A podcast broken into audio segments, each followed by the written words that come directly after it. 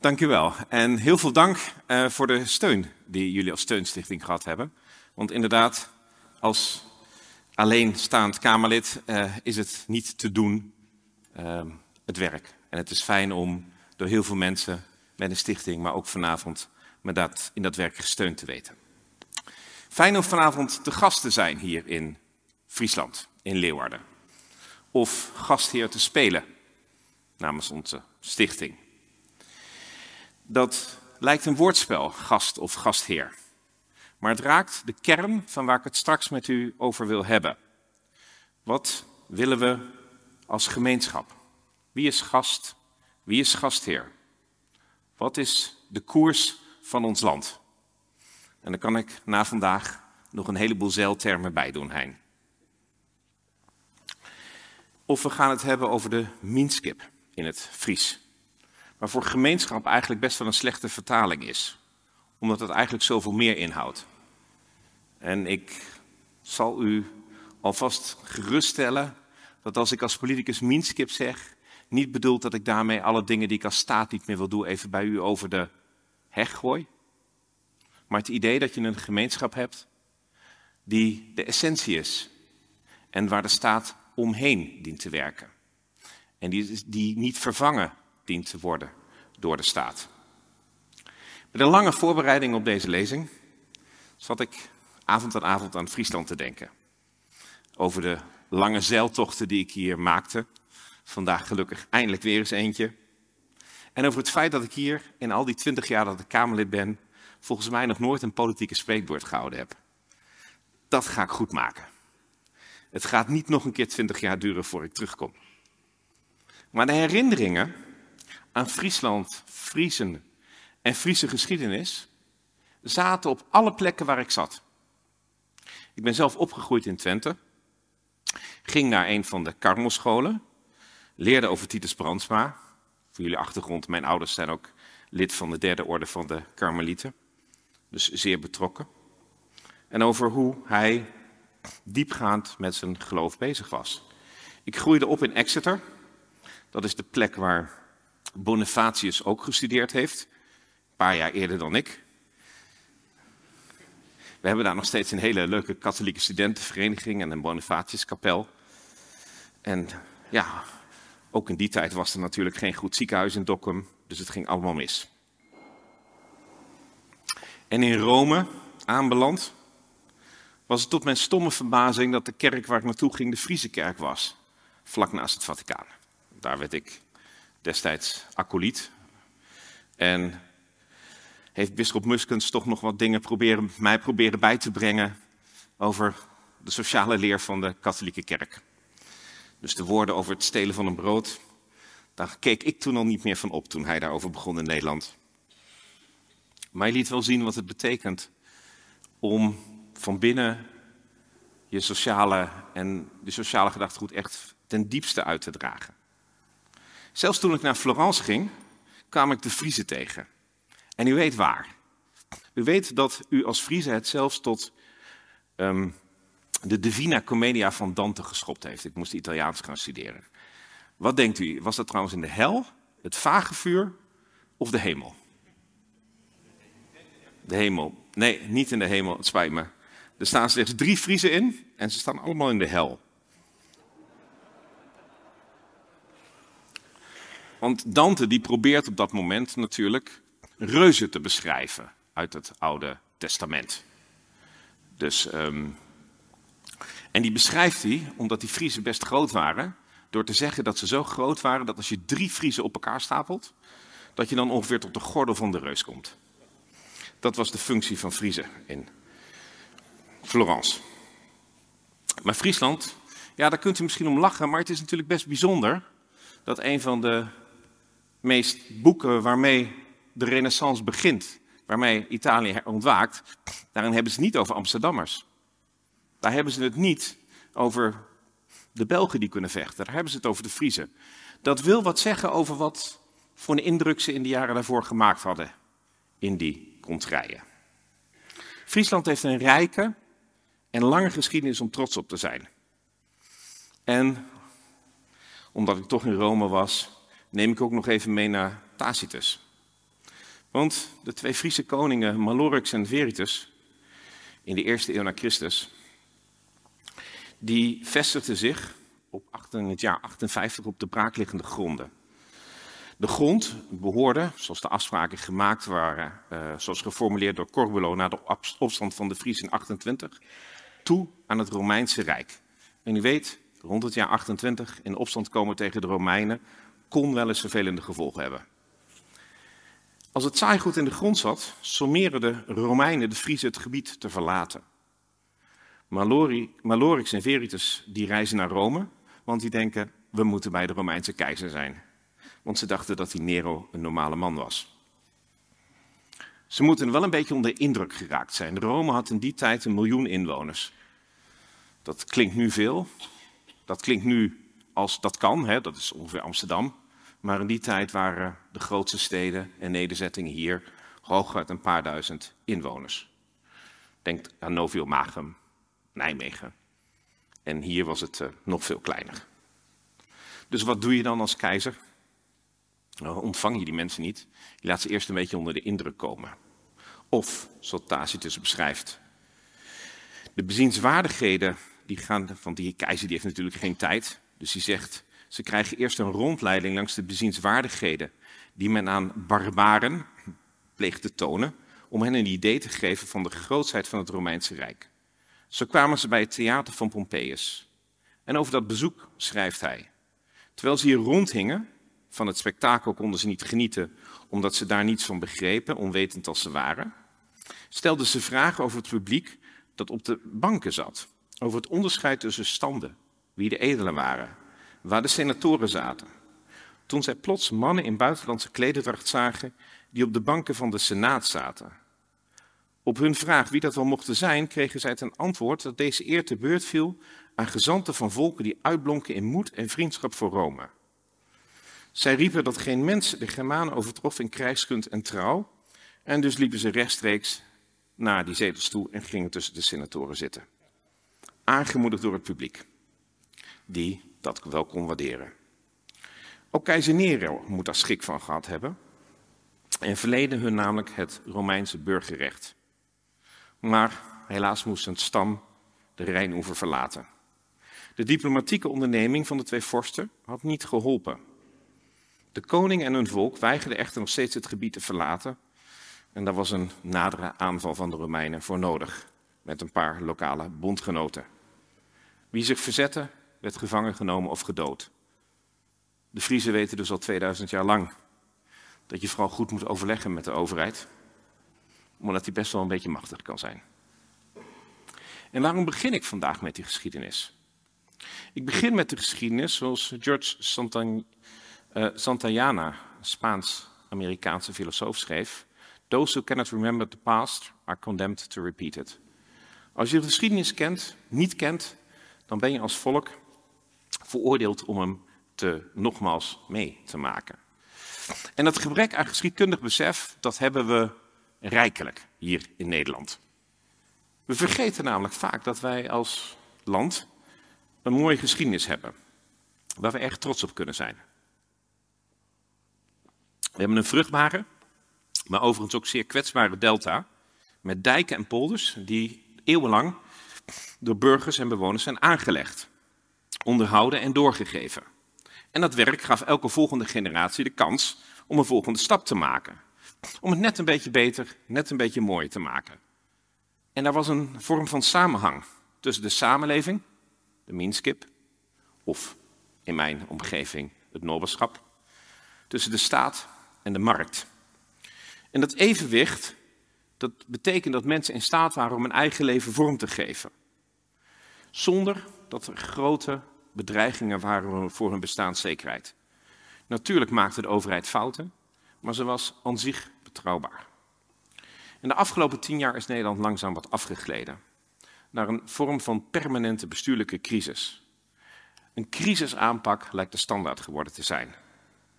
Normale democratische besluitvormingsprocessen, waarin keuzes worden voorbereid, voorstellen gewikt en gewogen worden en burgers inspraak hebben, worden terzijde geschoven.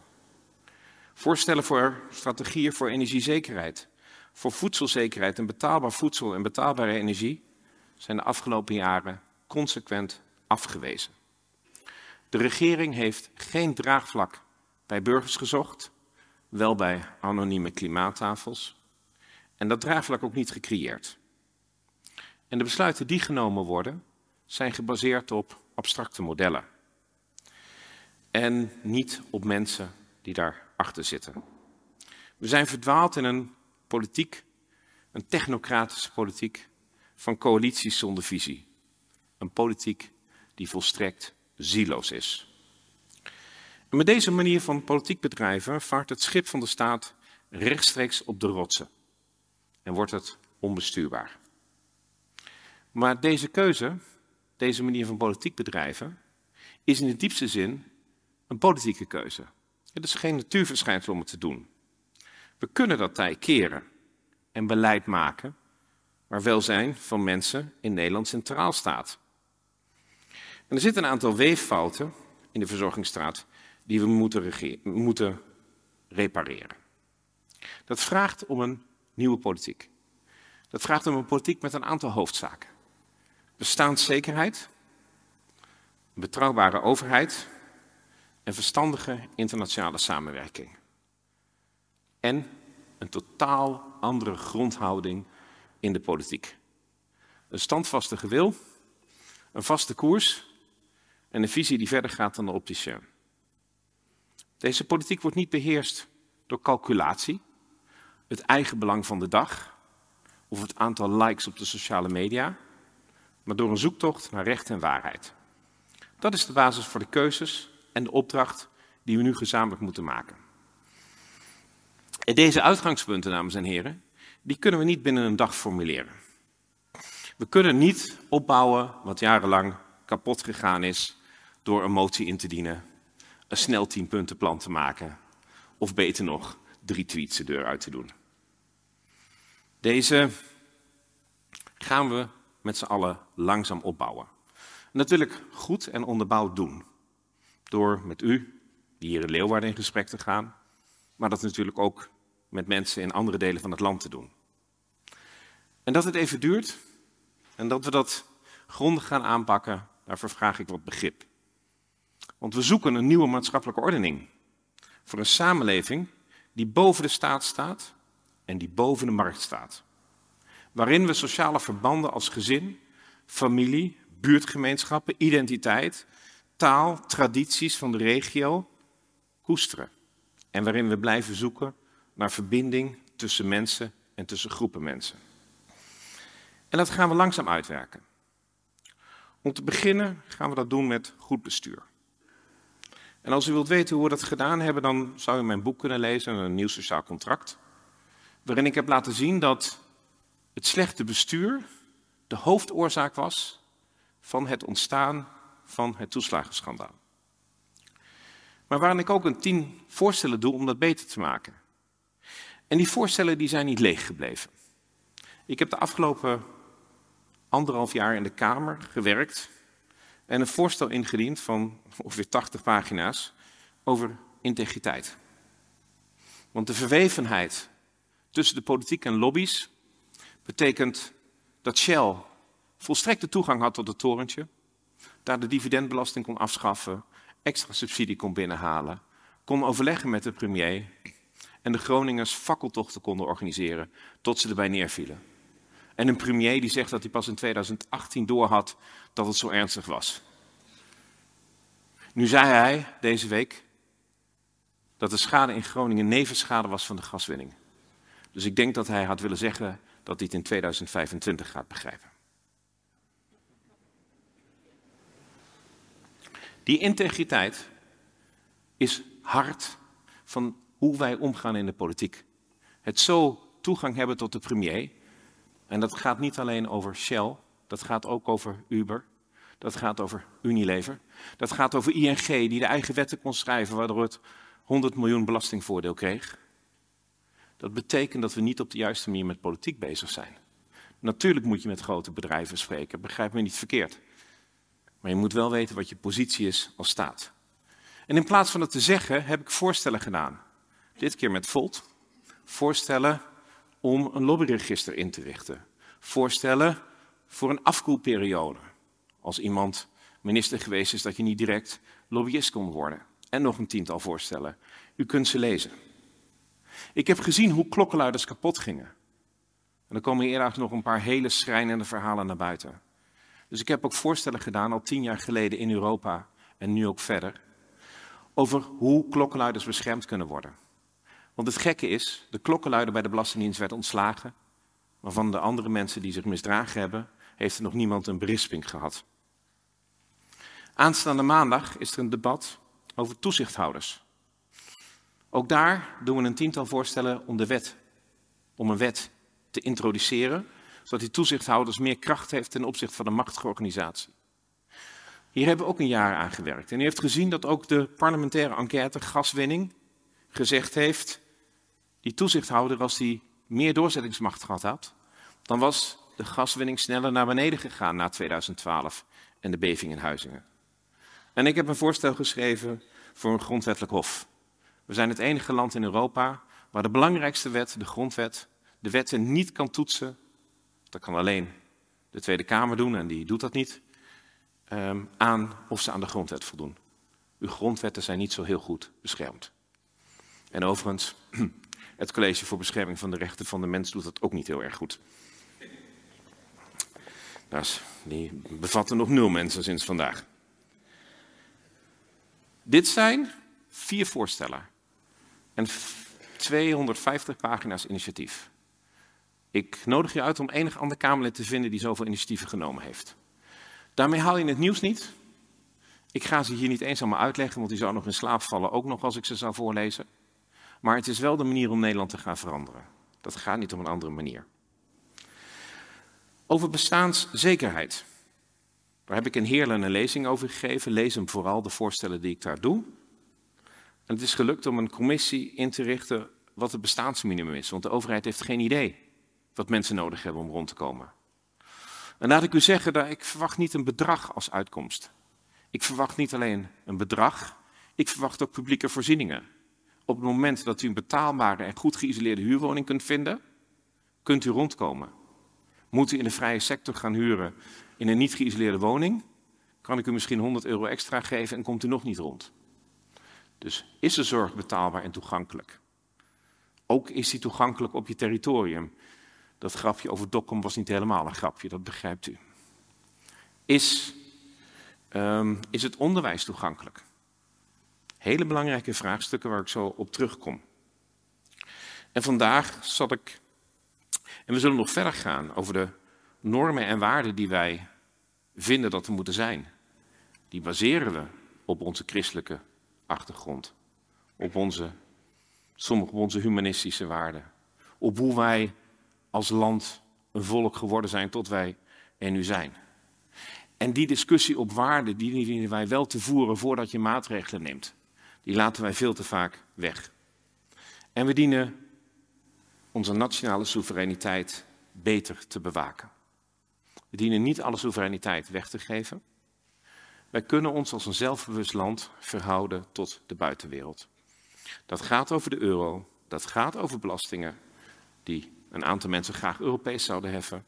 Dat gaat over het asielbeleid.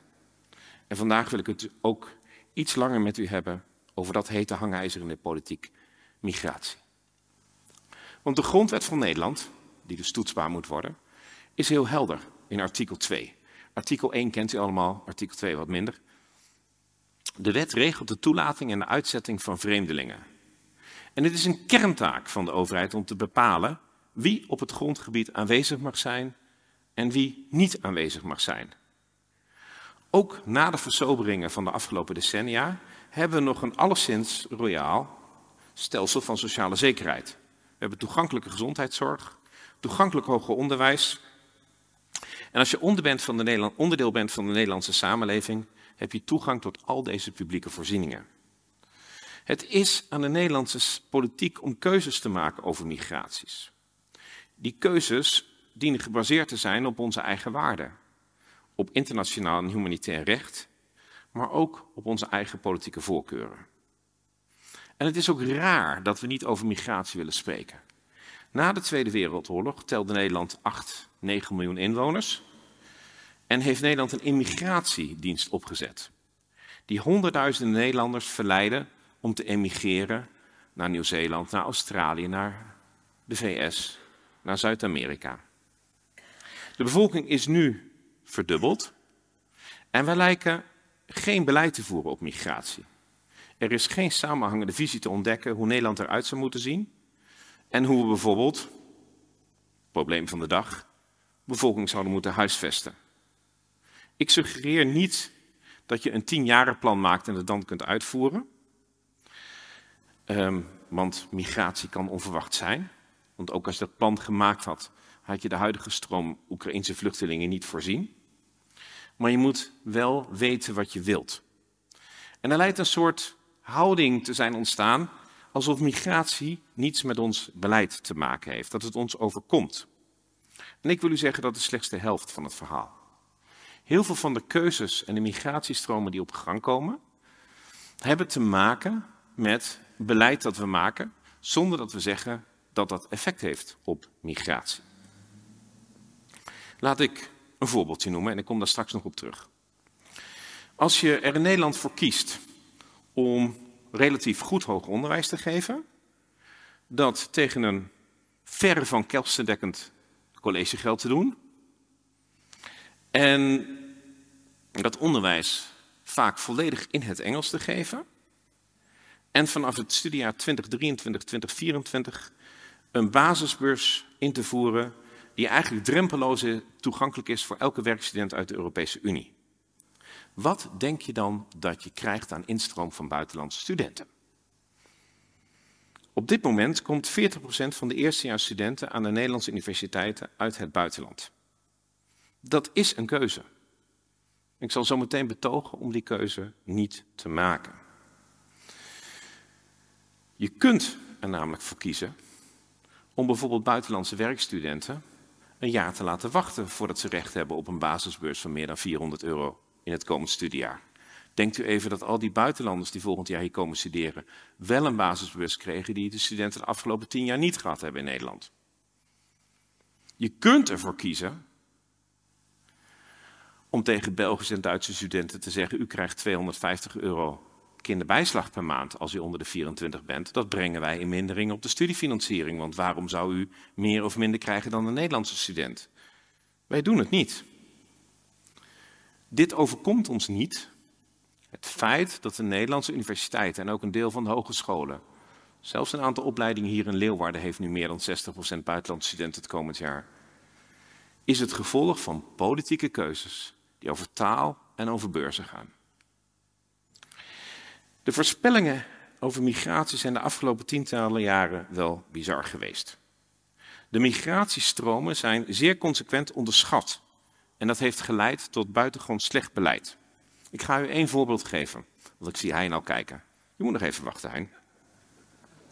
In 2004, dat was vlak voordat um, dat was na de toetreding van landen uit Midden- en Oost-Europa, denk aan Polen. Dacht het CPB dat ze een kleine stijging zouden zien van het aantal mensen uit Midden- en Oost-Europa. Ze dachten dat rond de 2010 er netto 2000 mensen per jaar zouden bijkomen uit die landen. Dat bleek een enorme onderschatting. In 2010 waren er meer dan 120.000 aanwezig en het aantal is daarna met honderdduizenden gegroeid. In 2011 was er een parlementaire commissie en die zei, als algemene conclusie stelt de commissie dat Nederland niet in staat is geweest om de toestroom van arbeidsmigranten uit Midden- en Oost-Europa in goede banen te leiden. De commissie is geschrokken van het grote aantal malafide uitzendbureaus, slechte, soms schrijnende huisvestingssituaties van arbeidsmigranten, gebrekkige huisvesting en overbewoning zorgen niet alleen voor onwenselijke situaties voor de migranten zelf, maar leiden ook tot grote overlast in sommige wijken. Migranten worden onderbetaald door hun werkgevers en huisjesmelkers laten migranten te veel betalen voor kleine en slechte huisvesting. Dit acht de commissie onacceptabel. Nou, tien jaar later hebben we de commissie Roemer en we hebben precies hetzelfde beeld. Dus niet alleen hebben we het volledig onderschat, maar ons eigen migratiebeleid, wanneer wij arbeiders hier naartoe laten komen voor werk, is beneden de standaarden die een goed land zou moeten hebben.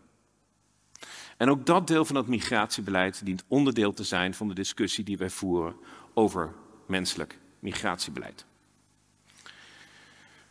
Want, dan kom ik, sorry, ik heb statistiek gestudeerd, dus ik kom even aan mijn hobby.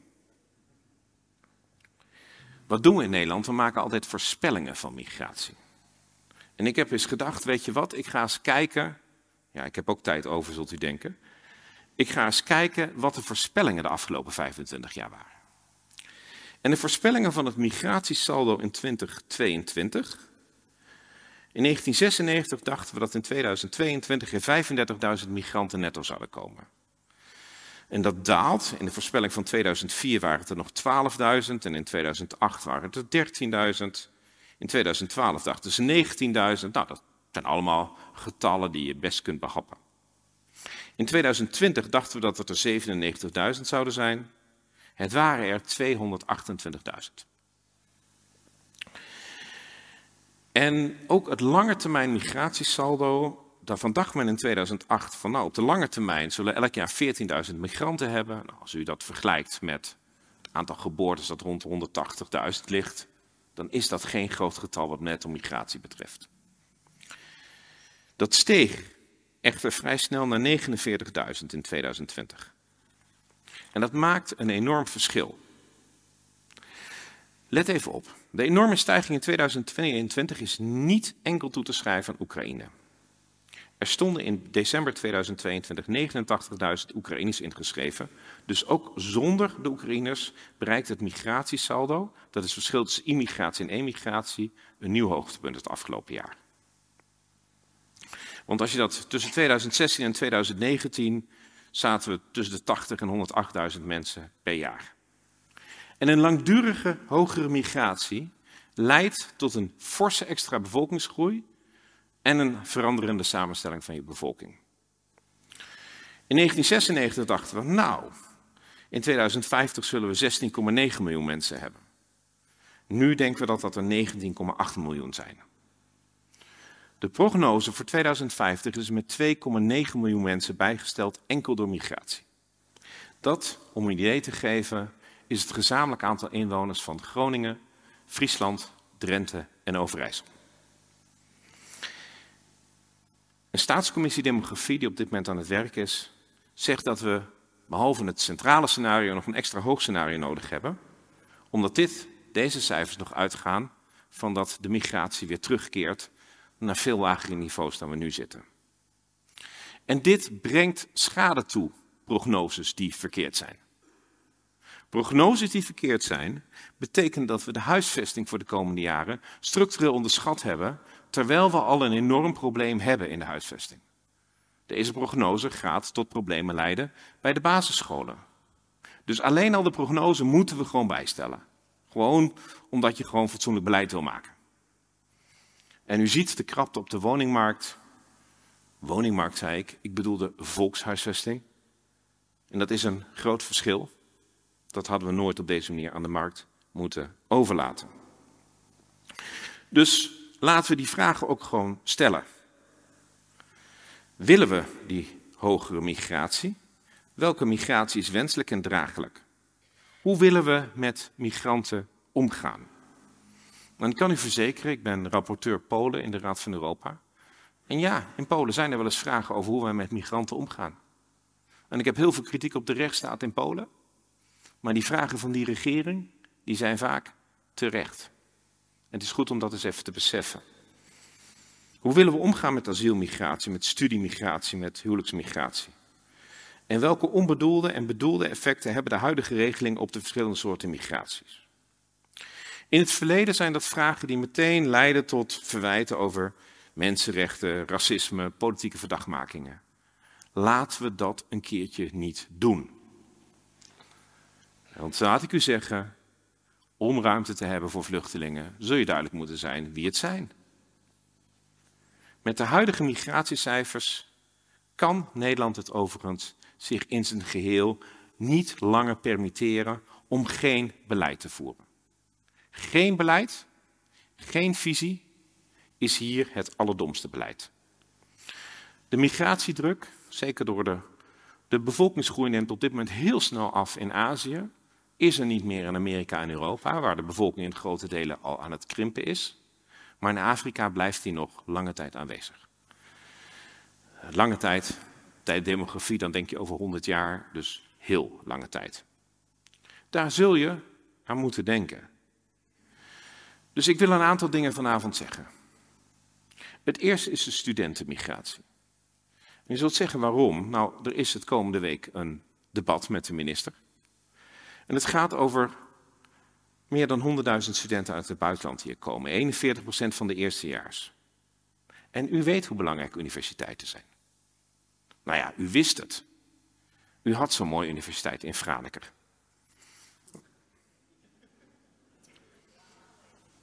Heel lang geleden. En zo lang geleden dat niemand van u daar gestudeerd heeft. Maar het was wel de tweede universiteit van Nederland.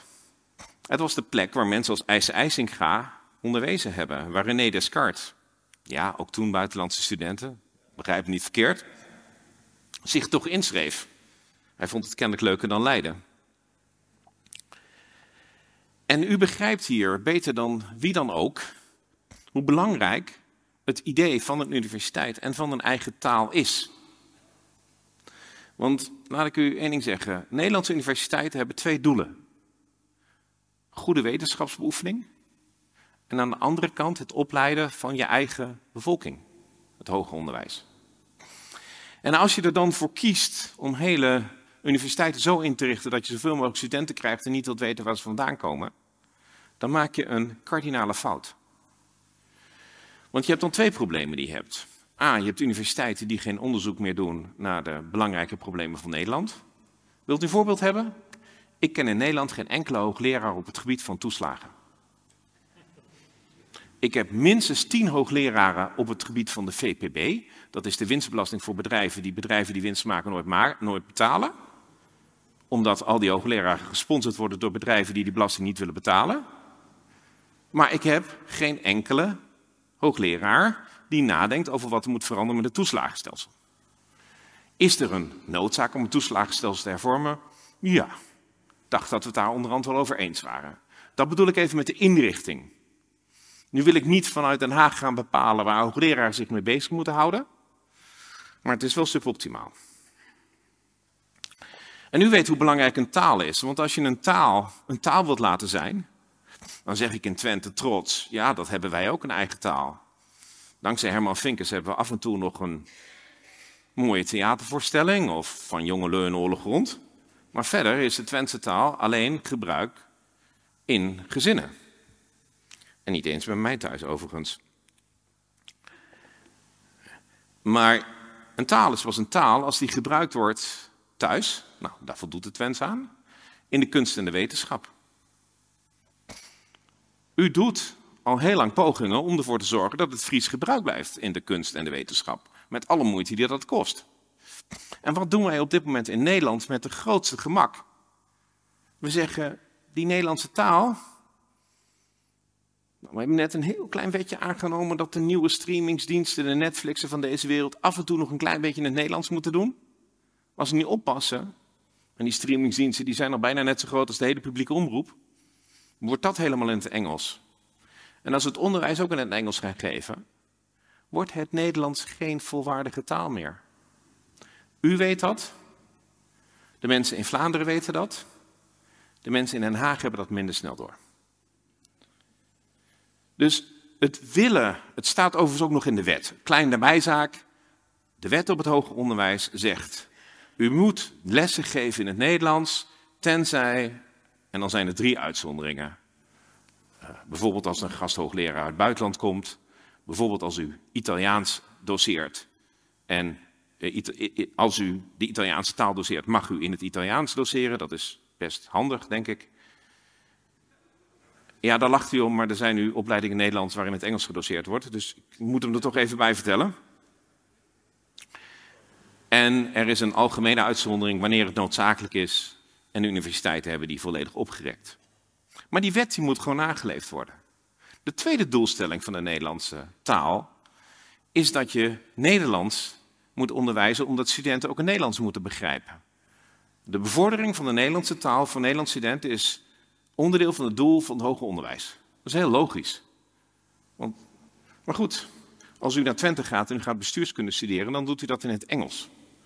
Terwijl ongeveer elke afgestudeerde student van de bestuurskunde bij de Nederlandse overheid in dienst treedt en daar begrijpelijke brieven voor u moet gaan schrijven. Dat werkt niet. Dus taal is niet alleen een subjectief iets, het is iets wat ons als natie bindt en het is iets wat we moeten doen. Dus mijn eerste betoog is, laten we dat Nederlands blijven gebruiken aan universiteiten. Mijn tweede betoog is, zorg er nou alsjeblieft voor dat het niet zo is dat we vanaf volgend jaar bijvoorbeeld buitenlandse werkstudenten hogere beurzen krijgen dan de Nederlandse studenten. Dat is toch niks te veel gevraagd. En mocht u denken dat het daar ophoudt, nee hoor. Um, want niet alleen de buitenlandse studenten worden beter betaald, ook de buitenlandse docenten worden beter betaald aan de Nederlandse universiteiten. Die mogen altijd 30% van hun inkomen belastingvrij ontvangen. Dat mocht ik overigens ook, omdat ik tien jaar in het buitenland gestudeerd had en ik aan een Nederlandse universiteit les ging geven. Ik viel van mijn stoel. Voor u denkt, ik heb het niet gedaan, dus voor u iemand eh, dat gaat proberen. Maar we betalen dus buitenlandse studenten meer. We doen het in een buitenlandse taal, we betalen buitenlandse docenten meer. En dan denken we dat de Nederlandse universiteiten doen wat ze zouden moeten doen, publiek. Kom on jongens, dat gaat niet gebeuren. Dus mijn vraag aan de regering is, zorg dat de universiteit een plek wordt, net zoals alle andere types van onderwijs, want de hogescholen gaan erachteraan. En straks ook nog het mbo zo, zo doorgaan. Waar Nederlandse taal is, waar een plek is om onze eigen generaties van de toekomst op te kunnen leiden. En ja, dat is een heel grote migratiestroom. Ik heb u gezegd op arbeidsmigratie. De stappen die we al tien jaar weten dat we moeten maken, die zullen we moeten maken. We kunnen er niet zomaar van uitgaan dat we werk dat we niet allemaal, dat we dat makkelijk vinden om, om arbeiders uit andere landen hier te laten komen en in sommige gevallen voor ze uit te buiten. Dat vind ik niet toebehoren aan onze stand. En ja, het derde punt, de asielmigratie. U heeft gezien dat iedereen heel blij is met het EU-akkoord. Ik denk dat het goed is dat we in de Europese Unie samenwerken. Want als je een gemeenschappelijke buitengrens hebt en geen binnengrenzen, dan zul je op migratiebeleid moeten samenwerken. Tenzij je het leuk vindt om weer grensposten in te gaan richten tussen Nederland en Duitsland. Wat ik als grensbewoner niet erg leuk zou vinden. Maar we zijn er niet. Dit akkoord dat zal nog een jaar duren voordat het formeel vast ligt in wet. En daarna nog één of twee jaar voordat de uitvoering begint. Dus voor iedereen die denkt dat het deze zomer of volgende zomer in Ter Apel gaat helpen, is het antwoord nee, dat gaat het niet doen. En het is ook nog een heel delicaat akkoord, omdat twee landen, Polen en Hongarije, tegengestemd hebben en een viertal landen zich van stemming onthouden heeft, Slowakije, Malta. Ik ben even kwijt wie allemaal. En omdat straks een migrant aan de grens tegengehouden zal worden, daar opgevangen zal worden, maar niemand die opvang wil doen. En omdat straks migranten verdeeld worden, herverdeeld worden. Dus de ene migrant zal naar Nederland gestuurd worden en de andere naar Polen. Maar ik kan u verzekeren dat de migrant die naar Polen of naar Hongarije of naar Spanje gestuurd wordt, daar heel veel minder kans maakt om toegelaten te worden dan in Nederland. En in het verleden hebben we gezien dat de Nederlandse rechters dan zeggen, daar hebben ze geen verre kans gehad. Dus dit is nog een heel delicaat mechanisme wat we aan het doen zijn. Ik zou mijn hoop er nog niet op zetten dat dit het migratie gaat oplossen. Ik denk ook dat wij bereid moeten zijn om onderscheid te maken tussen de status over mensen die tijdelijk en mensen die permanent bescherming nodig hebben. Zoals ook altijd de bedoeling was en ook in Nederland tot 20 jaar geleden het geval. Ik denk dat bij een volgende onderhandeling over de Europese verdragen, dat wij ook als Nederland niet bang zouden moeten zijn om een opt-out te vragen. Net zoals Denemarken gedaan heeft. En ik denk dat we ook niet goed met elkaar nagedacht hebben over het actief op orde houden van de capaciteit van de opvang. Want er hoeft maar dit te gebeuren. En ja, er kwamen natuurlijk minder mensen in coronatijd. En dan doen we alsof we geen capaciteit moeten hebben. Ik heb u vandaag een paar voorstellen gedaan. En die voorstellen, ik ben bezig met een adviesgroep migratie die zou uitmonden in een hele hoop voorstellen van experts. Op migratiebeleid, maar ook op bestaanszekerheid. En zeker op goed bestuur. Want die voorstellen die moeten klaar zijn in Nederland. En daar kunt u mij op afrekenen. Maar dan kijkt hij naar mij. En ik heb u gezegd, ik ga het niet alleen doen, dit soort plannen. Dus zometeen hoor ik graag van u wat u zelf wilt. Wat u zelf vindt. Want ergens hoop ik dat we in Nederland aan de vooravond staan van een soort stille revolutie. Een revolutie waarbij, ja sorry, hij moet stil zijn. Ik sta in Leeuwarden. U heeft ooit een parlementariër hier gehad die een wat minder stille poging gedaan heeft. Troelstra in 1919, dat bedoel ik dus niet helemaal. Ik bedoel een revolutie over hoe wij met elkaar omgaan in het land. Hoe wij stap voor stap dit gaan doen. En als u als klant naar Den Haag kijkt en wacht tot het goed komt, dan gaat het niet gebeuren. U zult als actieve burgers uw eigen taak moeten oppakken. Soms moet u tegen de regering zeggen dat ze te ver gegaan zijn. Dan kunt u demonstreren, in actie komen. Dan kunt u ons aan de jas trekken als parlementariërs. Maar wij vragen als land ook mensen die zich actief vastbijten in een onderwerp. Dat kunnen dingen zijn die u persoonlijk raken. Of dat kunnen dingen zijn die belangrijk zijn voor het voortbestaan van de parlementaire democratie en een gezonde samenleving van een ieder. Dat betekent in onze tijd dat als je ziet in je eigen leven dat er iets veranderd moet worden in deze staat, dat u niet langer alleen naar Den Haag moet kijken om dat aan te pakken. Je ziet het wel vaak. Je ziet mensen die denken dat ze de wereldproblemen op te lossen, of dat nou klimaatprobleem of de wereldvrede is, door een weg te bezetten, of door heel hard te schreeuwen, of door een enkele tweet uit te sturen. Ik denk dat we iets nodig hebben wat daar tussenin zit. Vrijwilligerswerk in je buurt. Je uitspreken bij onrecht of bij wetsovertredingen. Want hoezo is het ons gelukt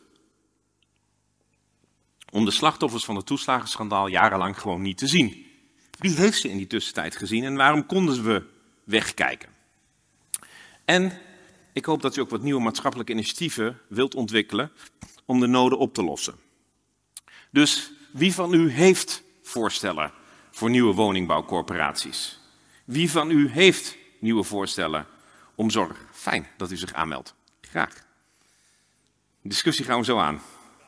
Om nieuwe vormen van zorg in te richten. Die zullen niet langer enkel van de overheid komen. En gezamenlijke plannen moeten komen uit buurten, wijken, landbouwgebieden om uitdagingen aan te gaan en iedereen in Den Haag bij de les te houden. Want daar is het idee dat Nederland een BV is, zelfs zodanig vastgeroest dat de premier het zegt en een partij zich BVNL roept. Dat laat een concept van een staat zien waar ik mijlenver van afsta. Die plannen, dat zal stap voor stap moeten gebeuren.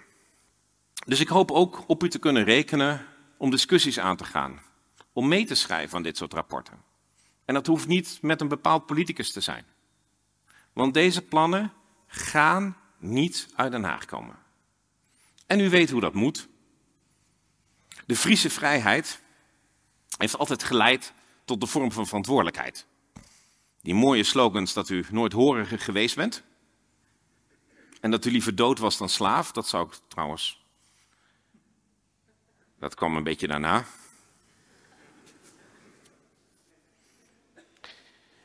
Dat betekent, maar er zat wel een kern van waarheid in. En die economen die hebben dat pas de afgelopen jaren weten te ontdekken. Dat namelijk mensen die vrij zijn, die nemen hun verantwoordelijkheid en zijn sociaal prettiger en economisch ook nog productiever dan mensen die onvrij zijn. Dus vrijheid is niet een waarde op zich, het is de kern van hoe wij onze samenleving willen inrichten. Dus u heeft ook nog iets aan Nederland toe te voegen. Deze plannen die gaan we stap voor stap uitbouwen. Dit is een soort derde keer dat we het doen. De eerste keer met de stichting. Maar we hebben natuurlijk al een keer in Zwolle en in Heerlen met mensen gesproken. Eind juni zal ik over media gaan praten. Met 250 journalisten in het Hol van de Leeuw in Hilversum. En in augustus zal ik ook naar Groningen gaan. En daarna zullen we verder gaan. En ik hoop dat we dan samen een kleine, stille revolutie zijn begonnen in Leeuwarden, die een stuk succesvol, succesvoller zal zijn dan degene die er 100 jaar geleden startte en binnen een dag voorbij was. Dank u wel.